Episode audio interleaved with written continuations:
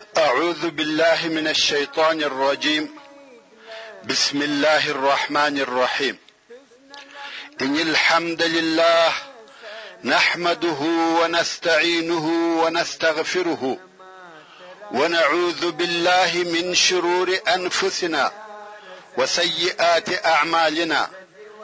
من يهده الله فلا مضل له ومن يضلل فلا هادي له واشهد ان لا اله الا الله وحده لا شريك له واشهد ان محمدا عبده ورسوله صلى الله عليه واله وسلم تسليما كثيرا اما بعد السلام عليكم ورحمه الله وبركاته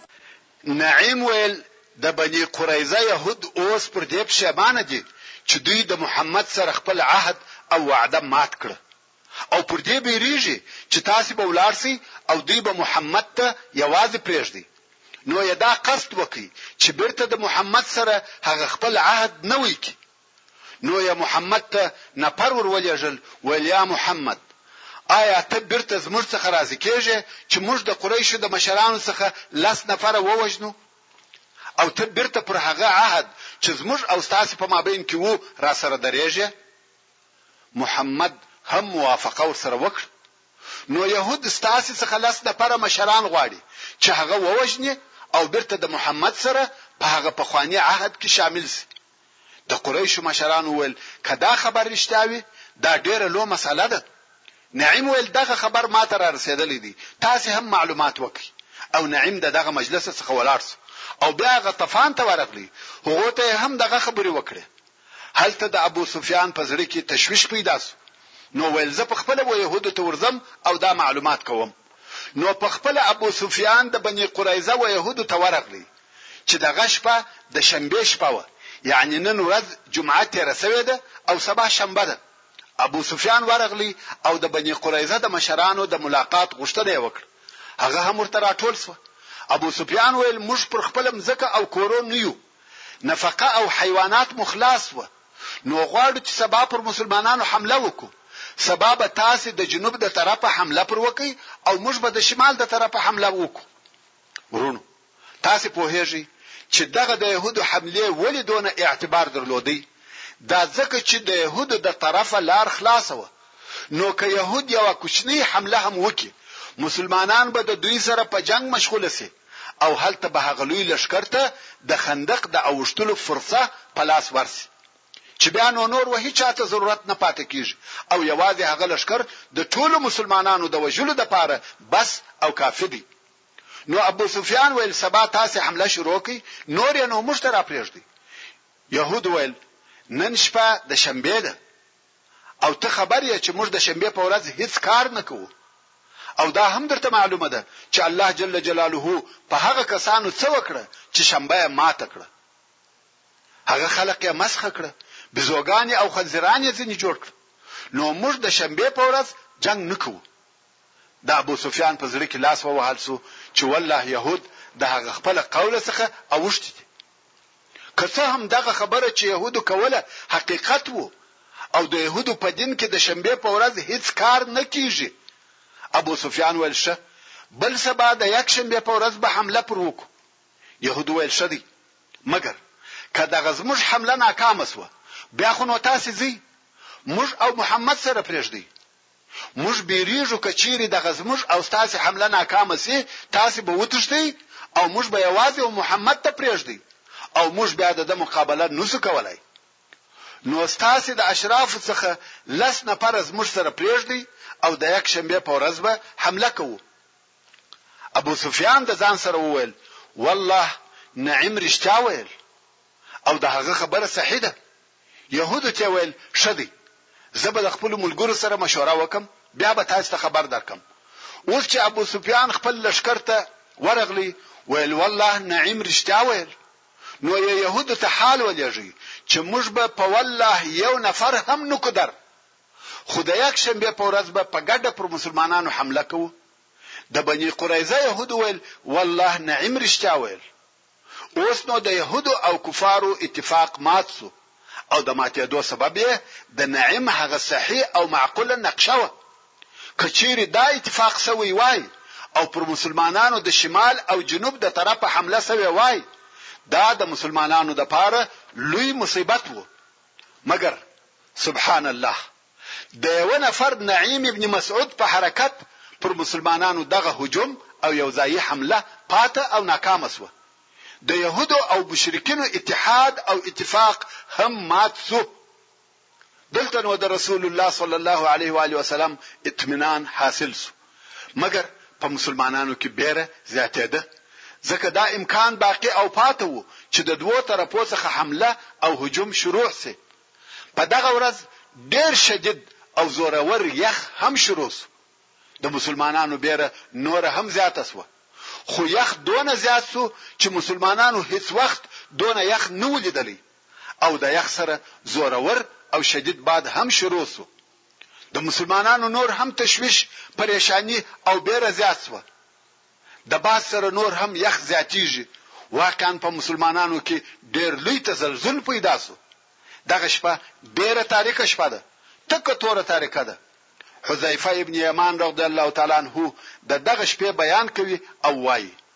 ډیره تاریکه شپه وه، ډیر شدید او زورور باد وو، ډیر شدید او تریخ یخ وو او ډیره سخته بیره وه، داسې شپه وه چې موږ یې مثل نه وو لیدلی. حذیفه ابن یمان رضی الله تعالی عنه وایي موږ مسلمانان د خندق سره ناست وو لوږه راته پیښه وه ټول وږي وو ټول غریبان وو د خوړلو د پاره مو شی نه درلودي لباس مو نه درلودي چې د یخ څخه ځانونه په وساتو او نور هم نوی خبر چې څه به راته پیښه سي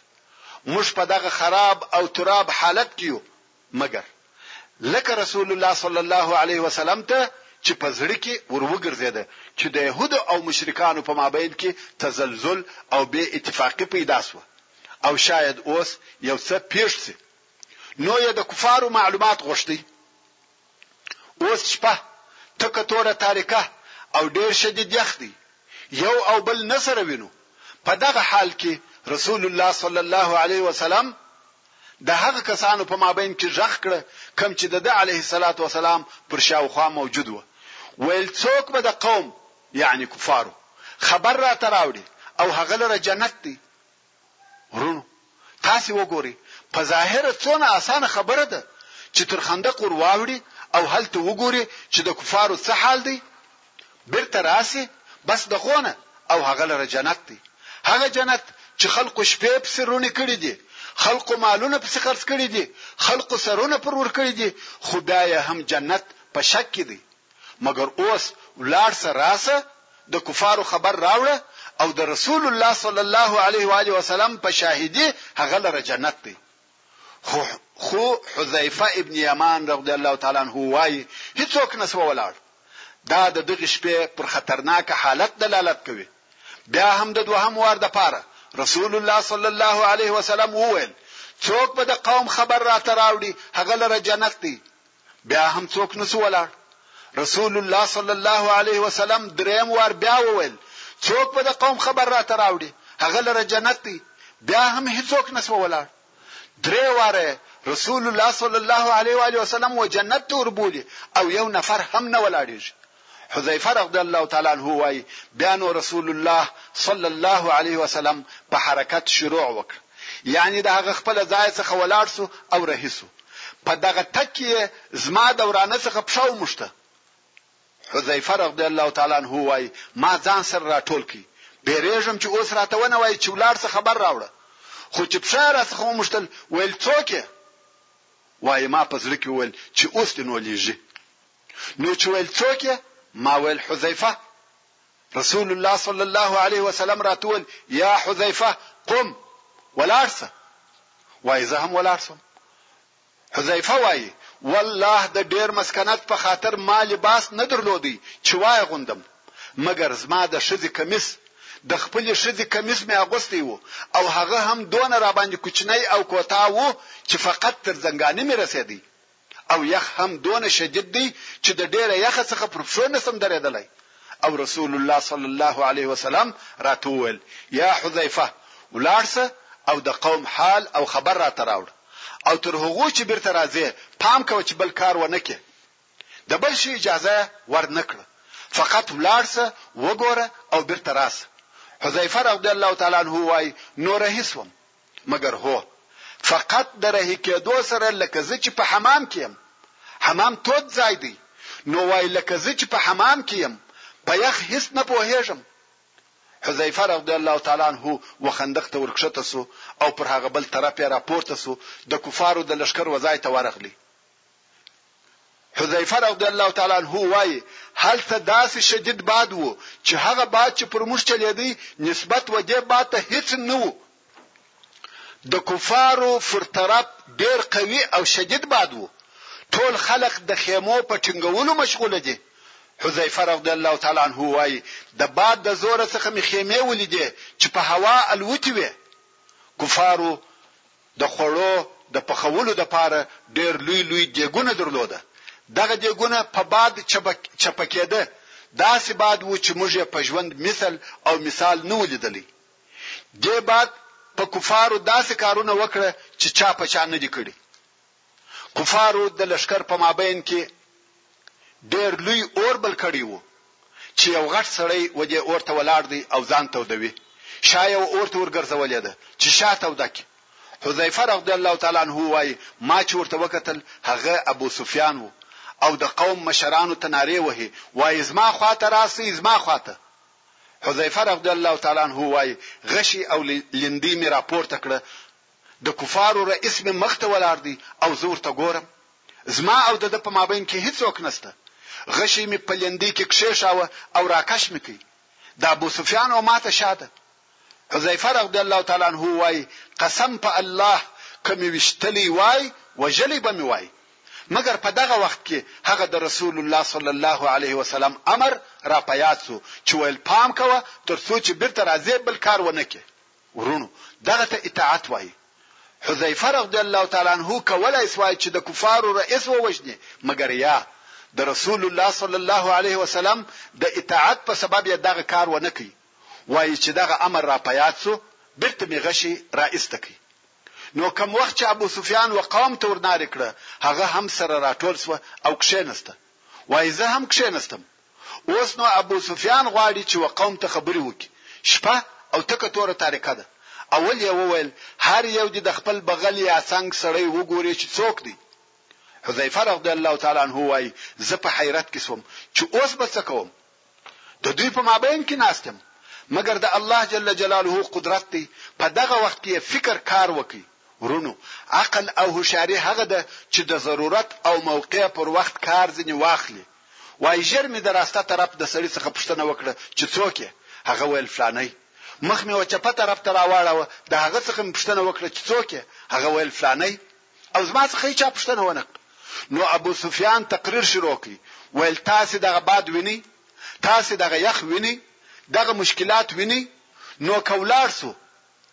ده لا تقریر نه و خلاص کړی چې خلقو نارې کړې، کوچ، کوچ، بارېده، بارېده.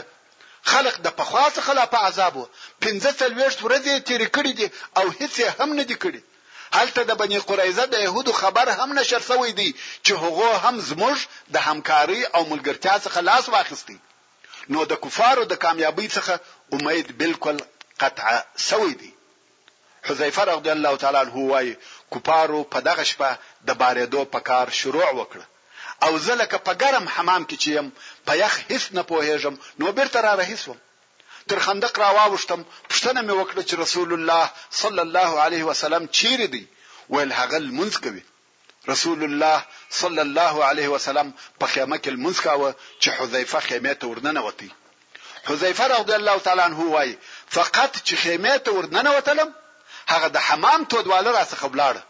الهي معجزه و تر کومه وخت چې د رسول الله صلی الله علیه وسلم په خدمت مشغول وو هغه معجزه ورسره و کوم وخت چې خدمت پای ته ورسېدی معجزه هم پای ته ورسېده نو وايي يخ ډېر په عذاب کړم او رسول الله صلی الله علیه وسلم هم لمونځ کوي نو ما دالته انتظار کاوه چې دی علیه الصلاة والسلام لمونځ خلاص کړي او زه خبر ورته ووایم رسول الله صلی الله علیه وسلم په لمانځه مشغول دی او زه د یخه ریږدم تر داسې اندازې چې ځامې مې ریږدي او غاښونه مې ټکهارې کوي د ډیره یخه څخه ځان نسم ټینګولای رسول الله صلی الله علیه وسلم په لمانځه مشغول وو او راپوسو چې زما ډیر یخ کیږي نو یې خپل پټو خلاص کړي او زه په پټ کړم پر هغه لمانځه ولاړ وو او زه پټ کړم دا د رسول الله صلی الله علیه وسلم پر خپل اصحاب مهرباني و لکه هغه مور چې خپل نازولې زوی د یخ څخه پټوي اوس نو رسول الله صلی الله علیه وسلم لمونځ کوي او زه د ده علیه الصلاة والسلام په پټو کې ورسره پټ یم پس له هغه څخه چې رسول الله صلی الله علیه وسلم د خپل مانزه څخه فارغ سو نو یې ماته وکتل ویل څه خبر وو ما ټول حال ورته وایه چې د احزاب او حوصله پای ته ورسېده او لاړ بسې دلته نو رسول الله صلی الله علیه وسلم د خیر دعا راته وکړه او ویل اوس نو بدس حذیفه رضی الله تعالی عنه وايي، رسول الله صلی الله علیه وسلم په هغه خپل پټوکي پټ کړم او بیده شوم. تر سهاره بیده شوم. په هیڅ شي نه وم خبر. سهار لمر راختلی و او زه بیده وم چې رسول الله صلی الله علیه وسلم راغلی او په پښه یې وښورولم. ویل، قم یا نعمان! ای خوبي ولاړ شه، خوب دې پوره شو؟ وايي چې راپورته شوم احزاب، هغه د کفارو ډلې تللي وې، ټول مسلمانان په حال خبر او خوشحاله وه. مدینې منورې ته بیرته امن او امان، اطمینان او خوشحالي راغلي وه، جنګ ختم او پای ته ورسیدی، هیڅ شی نشته، الله جل جلاله ټول کفار په بل لشکر شړلي وه او مسلمانان یې د جنګ څخه وساتل د الله جل جلاله په اراده په یوه شپه کار پر بل طرف واوښتی او رسول الله صلی الله علیه وسلم بیرته خپل کور او مسجد ته ولاړی وروڼو د خندق د غزا په تاریخ کې دوه قوله دي خو صحیح خبره دا ده چې د خندق غزا د هجرت په پنځم کال کې وه او کفارو مسلمانان تر یوې میاشتې زیات محاصره کړي وه د محاصرې شروع د شوال په میاشت کې وه او د ذوالقعدې په اخره کې پای ته ورسېده ابن سعد رحمه الله وايي، رسول الله صلی الله علیه وسلم په درویشت د ذوالقعدې د چهارشنبې په ورځ د خندق څخه خپل کور ته ولاړ. وروڼو! د خندق جنګ د تاوانو جنګ نه و، بلکې عصبي جنګ و، په هغه کې تریخ، او د ډیرو وژنو جنګ نه دی پیښ شوی مګر بیا هم د اسلام په تاریخ کې یوه فیصله کوونکې غزا وه چې الله جل جلاله مشرکان ذلیل کړه د دې جنګ څخه دا نتیجه راووته چې د عربو ټوله قواوې نسی کولای چې دغه کوچنی قوه کومه چې په مدینه منوره کې د رشد او نمو په حالت کې ده د بین یوسي ځکه ټول عرب نسی کولای چې تر دغه اوسنی لشکر دی زیات او قوي لشکر راټول کی دا هغه د دوی اخرنۍ قدرت وو او هغه هم هیڅ ونه کړه نو ځکه رسول الله صلی الله علیه وسلم پس له هغه څخه چې احزاب لاړه د مقصد ډکه یو جمله و فرمایل الان نغزوهم لا يغزونا نحن نسير اليهم تر دې وروسته به موږ پر دوی حمله کوو دوی حمله نسی کولای موږ به ودوی ته ورځو او حقیقت هم دغه سسو که تاسو په ټول سیرت کې وګورئ قریشو بیا پر مسلمانانو حمله نه ده کړې اسلام د دفاع د مرحله څخه ووتی د هجوم و مرحله ته داخل شو دا د خندق غزا وه. د بنی قریظه غزا، په کومه ورځ چې رسول الله صلی الله علیه وآله وسلم د خندق د غزا څخه خپل کور ته ولاړی، غواړي چې پس له دغه ستړیا څخه یو څه راحت وکړي، ځکه د جنګ حالت پای ته ورسېدی، د جنګ کالي یې وکښه، غواړي چې غسل وکړي. په دغه وخت کې چې د ماپښین وخت وو، دحیة الکلبی رضی الله تعالی عنه راغلی. وروڼو! دحیة الکلبی د رسول الله صلی الله علیه وسلم د اصحاب کرامو څخه یو نفر دی چې ډیر ښایسته سړی وو اوس راغلی او اجازه غواړي چې د رسول الله صلی الله علیه وسلم سره وویني حضرت عایشه رضی الله عنها دروازه ورخلاصه کړه ویل رسول الله صلی الله علیه وسلم چیرې دی ویل غسل کوي ویل زه غواړم چې ورسره ووینم رسول الله صلی الله علیه وسلم وپېژندی چې دا جبرئیل علیه السلام دی. وروڼو! موږ مخکې هم درته ویلي و چې جبرئیل علیه السلام د مختلفو انسانانو په شکل او صورت و رسول الله صلی الله علیه وسلم ته راتلی لکه په هغه مشهور حدیث کې چې حضرت عمر رضی الله تعالی عنه یې روایتوي یو سړی و رسول الله صلی الله علیه و علیه وسلم ته راغلی د اسلام ایمان او احسان پوښتنه ځنی وکړه او بیا یې د قیامت د ورځې پوښتنه ځنې وکړه او بیا رسول الله صلی الله علیه وسلم وویل چې دا جبرئیل وو او راغلی وو چې تاسو ته تاسو دین دروښي چې دلته هم جبرئیل علیه السلام د وسړي په شکل سره راغلی او اوس د دحیه الکلبی په شکل سره راغلی او رسول الله صلی الله علیه وسلم ته وویل آیا اسلحه دې کښې شول رسول الله صلی الله علیه و آله وسلم ویل، هو، جبریل علیه السلام ویل، مګر ملائکو خپله اسلحه نه ده ایښې. رسول الله صلی الله علیه و سلم پوښتنه وکړه چې څه خبره چې خبره څه ده؟ جبریل علیه السلام ویل، الله جل جلاله دې د بني قریظه په جنګ امر کوي. ته او هغه کسان چې ستا ملګري دي د بني قریظه پر طرف حرکت وکړي او زه تر تا د مخه د هغو و طرف ته وررهي یم چې د دوی قلاوې پر ورېږدوم او په زړو کې یې بېره ور واچوم. دا مسئله لا نه ده خلاصه شوې. هغه کسان چې غدر او خیانت یې وکړي هغو ته هم باید سزا او جزا ورکول شي. رسول الله صلی الله علیه وسلم هم فورا د جنگ لباس واغوستی د کور راووتی هغه کسان چې د باندې ناس و د هغو څخه پښتنه وکړه چې یو څوک مو ولیدي هغه ویل بیل دحیه الکلب څخه بل څوک مو نه دی لیدلی چې هغه هم د بنی قریظه و طرف ته رهیو رسول الله صلی الله علیه وسلم و فرمایل هغه جبرئیل وو نو رسول الله صلی الله علیه وسلم امر وکړ چې په خلقو کې دې ږغ وسي هر څوک چې پر الله او د قیامت پر ورځ ایمان لري د مازیګر لمونځ به نه کوي مګر په بني قریظه کې رسول الله صلی الله علیه وسلم د جنگ یا د لشکر بیرغ و حضرت علی رضی الله تعالی عنه ته ورکی او د یې د مخه د بنی قریظه و طرف ته ولېږي علی رضی الله تعالی عنه چې هلته د یهودو وقلاو ته ورنږدې شو، د یهودو څخه یې د رسول الله صلی الله علیه وسلم په باره کې بدې خبرې او بد الفاظ واورېده. خیر! دلته په مدینه منوره کې د جنګ دپاره تیاري او آمادګي ونیول شوه. ټولو مسلمانانو دوهم وار بیا د جنګ لباس واغوستی، هر یو ځان تیاروي او د بني قریظه پر طرف ورهي دي. هغه کسان چې تر لمر لوېدو د مخه و بني قریظه ته ورسېده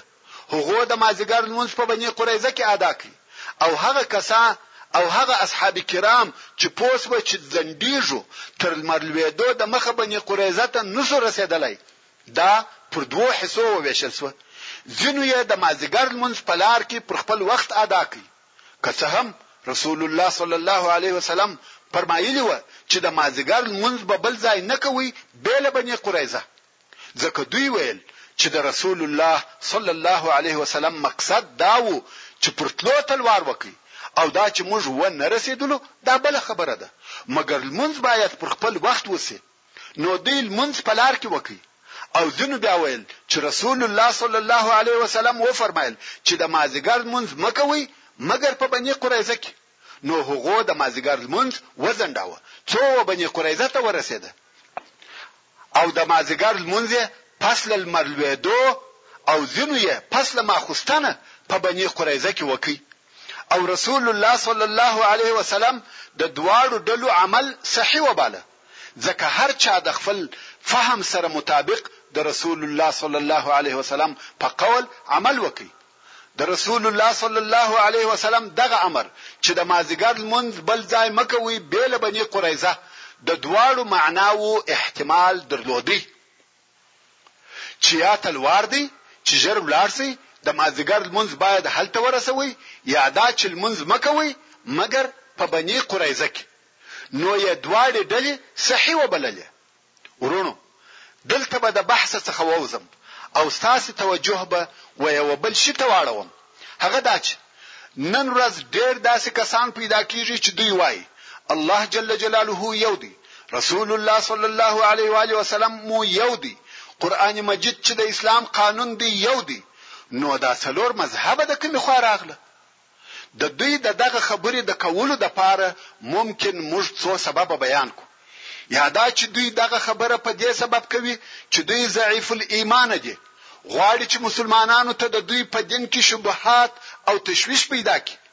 نو دغسې خبرې په ډېر تاخت او تاز کوي، دلایل وایي، که یو ناپوه او بې علمه انسان د دوی خبرې واوري، واقعاً یې په زړه کې تشویش پیدا شي او هغه هم د هغو کسانو څخه وګرځي چې پر اسلام اعتراضونه لري او څوک بیا دغه خبرې د ناپوهۍ له وجهې کوي. دغو د نورو دنیوي علومو یو څه تحصیل کړی وي، ځان ته پوه او دانسته وايي، خو د دیني علومو څخه محروم وي، نو دغه د مذاهبو اختلافونه و ده ته چټي او بېکاره معلومېږي. خو زه د دغه ټولو ډلو د قناعت لپاره په دغه یوه مثال سره کفایت کوم. چې دغه اوس د مازیګر د لمانځه په باره کې ذکر شو دا اصحاب کرام وه چې د رسول الله صلی الله علیه وسلم یو قول هر چا د خپل فهم سره موافق عملی کوي او رسول الله صلی الله علیه و علیه وسلم هم دواړه صحیح وبلل دغه د مذاهب اختلافونه هم په دغه ډول سره دي مذاهب هیڅکله په اصولو کې اختلاف نه سره لري، د مذاهبو ټول اختلافونه یا د یوه کار په فضیلت کې دي یا د احادیثو د یوه لفظ په ترجمه کې دي چې په هر یوه سره یې عمل کول جائز او روا دي. وروڼو که دغه بحث ته نور هم تفصیل ورکوم اصلي مقصد پاته کیږي معافي غواړم بیرته به خپلې قصې ته ولاړ شو. بیا نو رسول الله صلی الله علیه وسلم د خپلو ځینو پاته اصحابو سره د مهاجرینو او انصارو سره د مدینې منورې څخه د بني قریظه پر طرف رهي سو او هلته یې د بني قریظه د څاهانو څخه پر یوه څاه واړول چې بیر انه ورته ویل کېده بیا نو رسول الله صلی الله علیه وسلم و بنی قریظه ته په داسې حال کې ورغلی چې زغره او د جنګ لباس یې اغوستی و و یهودو تې ور ږغ کړه هغو هم د قلا د بامه څخه ږغ وکړي چې موږ دلته یو څه وایه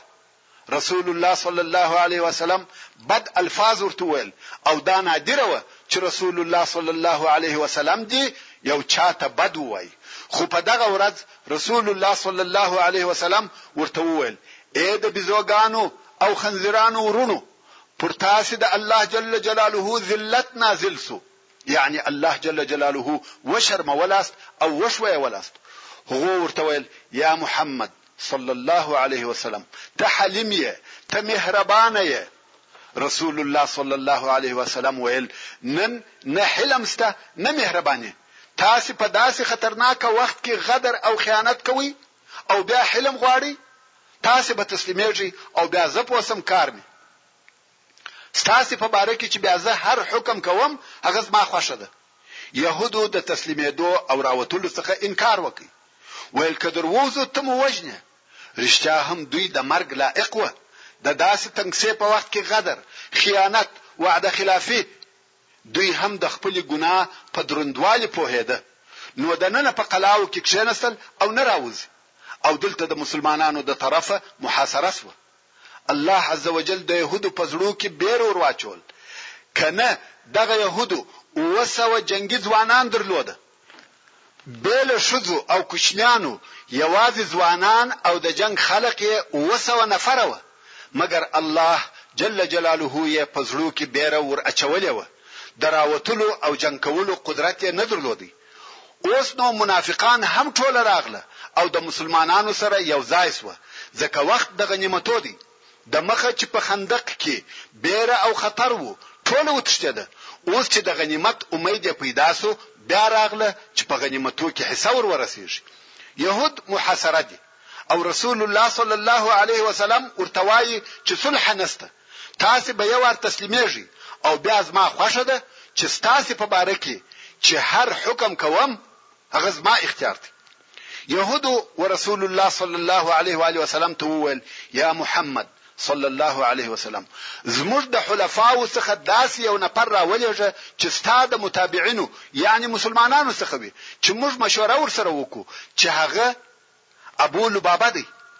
ابو لبابه رضی الله تعالی عنه د يهودو حلف او معاهد وو د د مالونه او د د اولادونه د دوی په منطقه کې وو رسول الله صلی الله علیه وسلم هم ابو لبابه رضی الله تعالی عنه ورولېږي ابو لبابه رضی الله تعالی عنه چې د دوی وقلاته ورغلی شذ او نر کوچنیان او لویان یې مخته ورولاړ سو شذ ورته جاړي مخان په چپلاخ وهي کوچنیان بغاري وهي د ابو لبابه رضی الله تعالی عنه زړه پر وسوځي یهود ورته ویل، یا ابا لبابه! ستا ستا څه فکر دی؟ ده ویل، زما سره هیڅ فکر نشته. رسول الله صلی الله علیه وسلم اراده کړې ده، نه مو پرېږدي. یهود ویل، یا ابا لبابه! ایا ته دا مشوره راکوې چې موږ د محمد په خوښه تسلیم شو؟ ابو لبابه رضی الله تعالی عنه وویل، هو! مګر په دغه وخت کې یې ګوتې پر غاړې تېرې کړې چې مقصد یې دا و چې هغه مو حلالوي. ابو لبابه رضی الله تعالی عنه وايي، زه په ځان نه شوم پوه، بې ارادې مې ګوتې پر غاړه تېرې شوې. ابو لبابه وايي، ګوتې مې لا د غاړې څخه نه وې را ایسته کړې چې پوه شوم چې ما د الله او رسول الله صلی الله علیه وسلم سره خیانت وکړ، ځکه دا د رسول الله صلی الله علیه وسلم سر او پټ راز و ما ښکاره کړ. یهود یې پر دغه ځای پرېښول او دی مخامخ مسجد نبوي ته ولاړ حتی رسول الله صلی الله علیه وسلم ته هم نه ورغلی بلکې برابر مسجد ته ولاړ او خپل ښځې ته وویل راسه ما د مسجد په یو پایه یا عمود پورې وتړه ځکه ما د الله او رسول الله صلی الله علیه وسلم سره خیانت وکړي او په والله تر هغو به ځان نه کم خلاص او نه به مې څوک خلاصوي چې رسول الله صلی الله علیه وسلم مې په خپل لاس نه کړي خلاص او توبه مې قبوله نه کړي او په والله هیڅکله به بیا زه د بني قریظه مځکې ته ورداخل نه شم رسول الله صلی الله علیه وسلم په دې حال خبر سو چې ابو لبابه و يهودو ته حال وایه او بیا یې ځان د مسجد په عمود پورې وتړي نو رسول الله صلی الله علیه وسلم و فرمایل کدی اول ما ته راغلی وای ما به د د پاره د الله جل جلاله څخه د مغفرت غوښتنه کړې وای مګر څرنګه چې د خپل خوښه سره دا کار وکي نو زه تر هغه د نه خلاصوم چې الله جل جلاله یې توبه قبلوي نو ابو لبابه رضی الله تعالی عنه دغسې تړلی پاته شو، شپږ ورځې د مسجد په عمود پورې تړلی و، فقط د لمانځه پر وخت به ښځه ورته راتله، د اوداسه او لمانځه لپاره به خلاصاوه، نور به تړلی و، خوب او خورک یې په دغه تړلي حالت کې و، تر څو چې الله جل جلاله د ده توبه قبوله کړه. الله عز وجل عفو ورته وکړه او رسول الله صلی الله علیه وسلم خلاص کړي او هلته چې يهود د ابو لبابه رضی الله تعالی عنه په اشاره پوسوه چې موږ وژنې نو یې اراده وکړه چې نه به تسلیمېږو او په خپل قلاو کې پاتې سو ځکه يهود د نن په قلاو کې د خړلو او چشلو ضرورت پوره درلوده په قلاوو کې ساتلي ناست دي، نور هیڅ تکلیف نه لري، مګر په زړو یې بیره ننوتلې ده، کوم وخت چې دغه محاصره اوږده شوه، نو کعب، هغه د یهودو مشر، دوی سره راټول کړه، ویل دغه حال چې موږ په مبتلا یو دا خو تاسې وینئ، دغسې حالات ټینګ عزم، قوي اراده او لوړ همت غواړي، موږ باید خامخا یو څه وکړو، پر دغه حال نشو پاته کیدلای، څو تر څو به محاصره یو؟ یهود ویل، ستا څه فکر دی؟ کعب ابن اسد ویل، یو د دغه درو کارو څخه باید وکړي. دغه مشکل چې موږ ته راپېښ دی، بل حل نه لري بې له دې څخه چې یو د دغه درو کارو به کوو. یهود ویل، هغه درې کاره چه شي دي؟ کعب ویل، اول دا چې په والله تاسې پوهېږئ چې محمد نبي دی، ټوله په دغه پوه یاست چې دی، علیه الصلوة والسلام، هغه نبي دی چې په تورات کې درته ذکر شوی دی، نو راسئ چې د ده دین ته داخل شو، چې وینې او مالونه، ښځې او اولادونه به مو په امان شي. قوم یې ورته وویل، د ده دین ته خو هېڅکله نه داخلېږو، سره د دې چې دوی پوهېده او اوس هم پوهېږي چې محمد صلی الله علیه وسلم نبي دی، مګر د اسلام او مسلمانانو سره یې عناد او حسد درلود او لري یې. قوم ورته ویل، اول خو ونه شو، دوهم څه شي دی، یا کعب؟ کعب ویل، دوهم دا چې خپلې ښځې او اولادونه به ټول ووژنو. په قلا کې به د ښځو او کوچنیانو څخه هیڅوک نه پریږدو، ټول به حلال کو او بیا به موږ په یوه وار او یوه حمله تورې په لاس پر مسلمانانو ور ووځو او تر هغو به جنګ کوو چې یا کامیابه کیږو یا ټوله وژل کیږو، که ووژل شو خو آخري شی مرګ دی او که کامیابه شوو بیا به د سره ښځې وکړو او اولادونه به مو شي، نوی ژوند به شروع کړو. قوم ویل د دغه غریبانو څه ګناه ده څۀ کړي دي چې موږ یې وژنو اصلا په قوم کې همت نه وو په دوی کې داسې څوک نه وو چې ټینګ عزم دې ولري رښتیا هم اوس د دوی مخ ته دوې خبرې دي یا مرګ یا ژوند مرګ خو یې حتمي دی د ژوند لپاره باید یو څه وکړي خو په دوی کې د عزم او همت خاوند نشته نو ویل دریم څه شي دی ویل دریم دا دی چې نن شپه د شنبې شپه ده مسلمانان زموږ د طرفه بې غمه دي چې موږ نن ورځ جنګ او حمله نه کوو. رښتیا هم کوم وخت چې مسلمانان د خندق سره محاصره وه، کوم وخت چې به د شنبې شپه داخله شوه، مسلمانان به بې غمه شوه، ځکه پوهېده چې یهود په شنبه حمله نه کوي، نو د شنبې ورځ د مسلمانانو لپاره د راحت ورځ وه او اوس دلته هم مسلمانان د شنبې په ورځ بې غمه وي، پیره کوي، مګر نور د یهودو د طرفه د حملې تشویش نه لري. نو هر یوه په بیغمه زړه په بیغمه زړه استراحت کاوه کعب ویل نن شپه د شنبه ده او مسلمانان د شنبه په شپه زموږ د طرفه بیغمه دي نو راسي چې دغه خپل شنبه ماته کو او پر مسلمانانو د شنبه په ورځ حمله وکړو قوم ویل، یا کعب! ته پوهېږې چې الله جل جلاله په هغو کسانو څه وکړه چې شنبه یې ماته کړه؟ الله عز وجل د هغو څخه خنزیران او بیزوګانې جوړ کړه، مسخه یې کړه، ته غواړې چې موږ په شنبه حمله وکړو او الله جل جلاله جزا راکړي؟ یا، دا کار هم نه کوو. درې سره فکره یا پیشنهاده یې و نه منل نو کعب په قهر او غضب سره وویل، په تاسې کې یوه هم د کومه وخته چې د موره زیږیدلی دی د همت او مړانې یوه شپه نه ده تیره کړې یعنی هیڅ اراده نه لرئ خبره د مرګ او ژوند ده دلته همت او مړانه په کار دي او تاسې په شک او تردد کې یاست واقعا هم یهود په دغه شک او تردد کې پاتې سوه هیڅ یې ونه کړ د یهودو څخه یو نفر چي نوم یې عمرو بن سعدي وو د یهودو د قلا څخه راووتی، رسول الله صلی الله علیه و آله وسلم شا و خوا پر قلا پیره داران درولي وه چي د دغه پیره دارانو مشر د مسلمانانو یو ډېر قوي او جنګي پهلوان محمد ابن مسلمه الانصاري رضی الله تعالی عنه وو. نو پيردارانو دغه عمرو بن سعدي يهودي ونيوی غواړي چې وې وژني خو هغه ويل ما ستاسې و نبي ته ورولي نو يې يهودي ورسول الله صلی الله علیه وسلم ته راوستی يهودي ویل یا محمد کم وخت چې يهودو وعده ماته کړه او غدر یې وکړي زه هغه یوازنی سړی وم چې دا کار مې نه وخښ او دوی مې منع کول زه په دغه غدر کې د دوی سره نه وم موافق.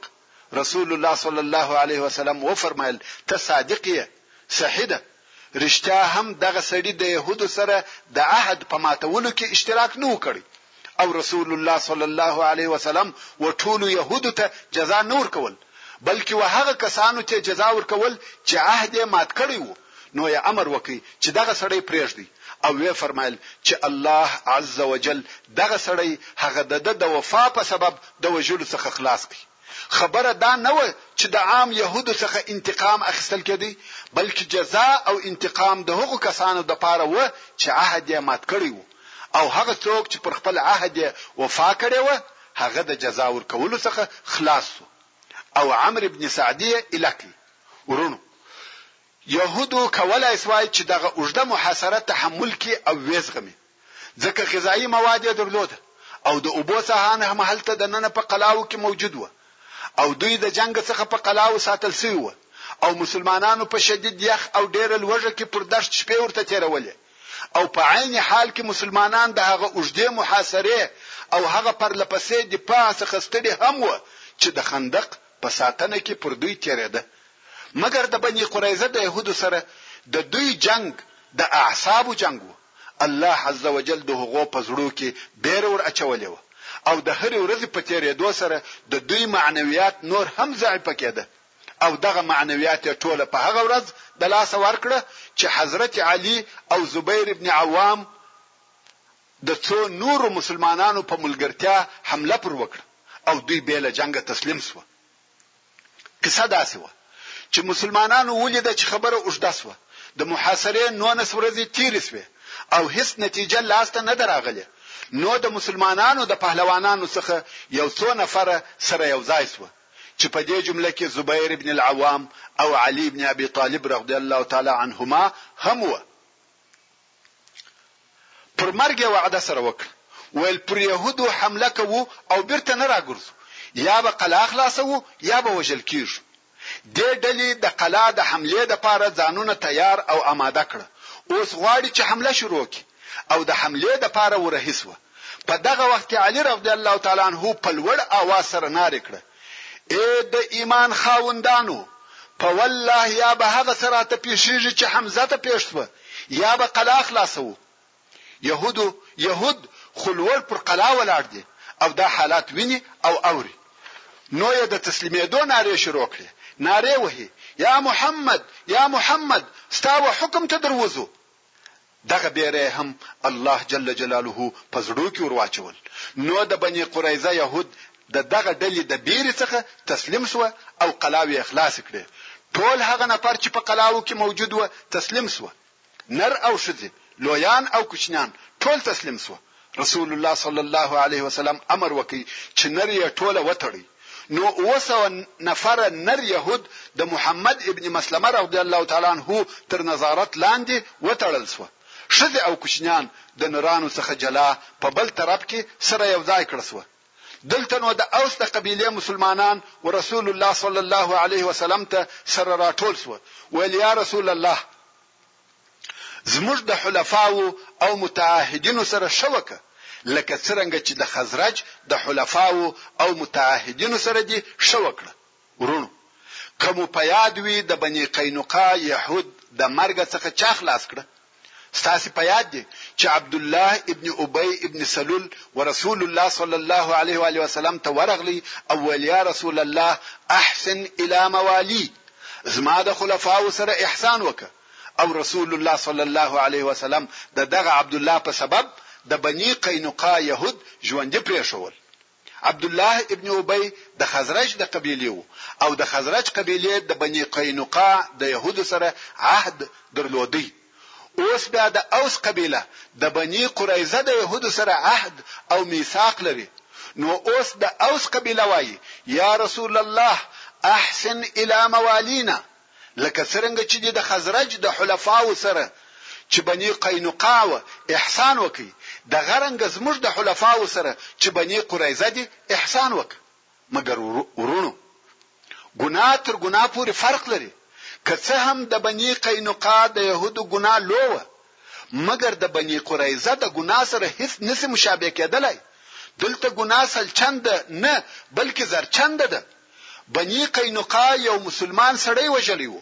او قاتل یې مسلمانانو ته په لاس نه ورکاوه، مګر د بني قریظه یهودو ټوله اسلام او مسلمانان په خطر کې اچولي وه. ټول اسلام یې په یوه وار فیصله کاوه، د اوس د قبیلې په غوښتنه سره رسول الله صلی الله علیه وسلم په حیرت کې شو چې څه وکړي، رښتیا هم رسول الله صلی الله علیه وسلم د بني قینقاع یهود د خزرج د قبیلې په واسطه پرېښول او اوس د اوس د قبیلې په غوښتنه د بني قریظه سره هغه د عفوې معامله ونه کړي؟ نو یې د اوس قبیلې ته وویل، ایا نه راضي کېږئ چې د دوی په باره کې ستاسې څخه یو نفر حکم وکړي؟ یعنې د یعنې د بني قریظه په باره کې به حکم ستاسې د قبیلې و یوه نفر ته پرېږدم. هغه چې هر حکم وکړي هغه زما قبول دی. دوی ویل، هغه به څوک وي چې دا حکم کوي؟ رسول الله صلی الله علیه وسلم وفرمایل، سعد ابن معاذ رضی الله تعالی عنه. و هغه ته به پرېږدم د هغه خوښه ده چې هر حکم کوي د اوس قبيله وویل یا رسول الله سعد زموږ رئیس دی د هغه په حکم راضی یو دا خبر د بنی قریظه و يهودو ته ورسېدی او سعد ابن معاذ رضی الله تعالی عنه د هغو حلف دی یعنی د دوستی عهد سره درلودی يهودو هم وویل د سعد په حکم راضی یو سعد خو زموږ ملګری او حلیف دی. اوس نو سعد رضی الله تعالی عنه چیرې دی؟ هغه په مسجد نبوي کې په خیمه کې دی او هلته یې د هغه زخم علاج کیږي چې په غشي وشتل شوی وو. او دا مو مخکې درته ویل چې سعد رضی الله تعالی عنه په دغه مریضي کې خپل رب ته یو دعا کړې و چې الهي تا ته معلومه ده چې ماته د هیچا سره ستا په لار کې جهاد کول دون ډیر نه دی خوښ لکه د هغه قوم سره چې ستا د رسول تکذیب یې کړی دی او ستا رسول یې د خپله وطنه څخه ایستلی دی چې مقصد یې قریش و او الهي زه داسې ګمان کوم چې تا زموږ او د دوی د مابین څخه جنګ ایسته او لرې کړي که چیرې د قریشو سره نور هم جنګ پاته وي نو ما ژوندی پاته کې چې د هغو سره ستا د پاره جهاد وکم او که دې نور جنگ ایسته کړی وي نو مې دغه زخم مه جوړوي او مرګ مې د دغه زخمه څخه کې او د دعا په اخر کې وویل، الهي تر هغو مې مه وژنې چې د بني قریظه په یهودو مې زړه یخ نه شي. الله جل جلاله دغه د ده دعا قبوله کړې وه او اوس د بني قریظه د یهودو په باره کې حکم د سعد ابن معاذ رضی الله تعالی عنه په لاس کې شو. نو رسول الله صلی الله علیه و آله وسلم نفر ولېږل چې سعد رضی الله تعالی عنه د حکم کولو د پاره راولي نفر مسجد نبوي ته ورغله سعد ابن معاذ رضی الله تعالی عنه د هغه زخم په سبب نه تلای سي او نه پر بوده سپرېدلای سي ځکه وینه ډېره ځینې تللې ده او اوس هم زخمی او ضعیف دی نو یې سعد رضی الله تعالی عنه پر یوه شي پرېستی او بیا یې هغه شی پر خره کښېښاوه. سعد رضی الله تعالی عنه دغسې ستونی ستغ پروت دی او خر رهي دی. پر لارې به د اوس د قبیلې نورو مشرانو ورته ویل، یا سعد! د خپلو متعاهدینو سره دې احسان وکړه، رسول الله صلی الله علیه وسلم د هغو په باره کې حکم و تاته پرېښاوه، هغه زموږ حلفاء او متعاهدین دي، سپارښت به پر کاوه. سعد رضی الله تعالی عنه چپ دی هیڅ نه وایي. خو دغه مشرانو دغه خبره ډیره او په تکرار سره ورته کول. په آخر کې سعد رضی الله تعالی عنه وویل، پر سعد داسې وخت راغلی چې د الله جل جلاله په لار کې د چا د ملامتۍ پروا نه کوي. یعنې په دغه حکم کې به زه د الله جل جلاله مراعت کوم، که بل څوک ملامتي راباندې وايي په هغه زما پروا نه کېږي. ځینې کسان چې د سعد رضی الله تعالی عنه د دغه خبرې په مقصد پوه شوه،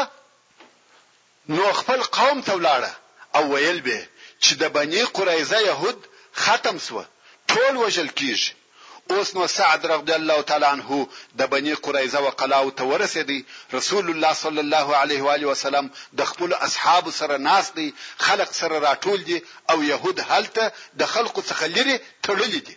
محترمو وروڼو زموږ پاته قصه به په راتلونکې کې واورئ ان شاء الله تعالی.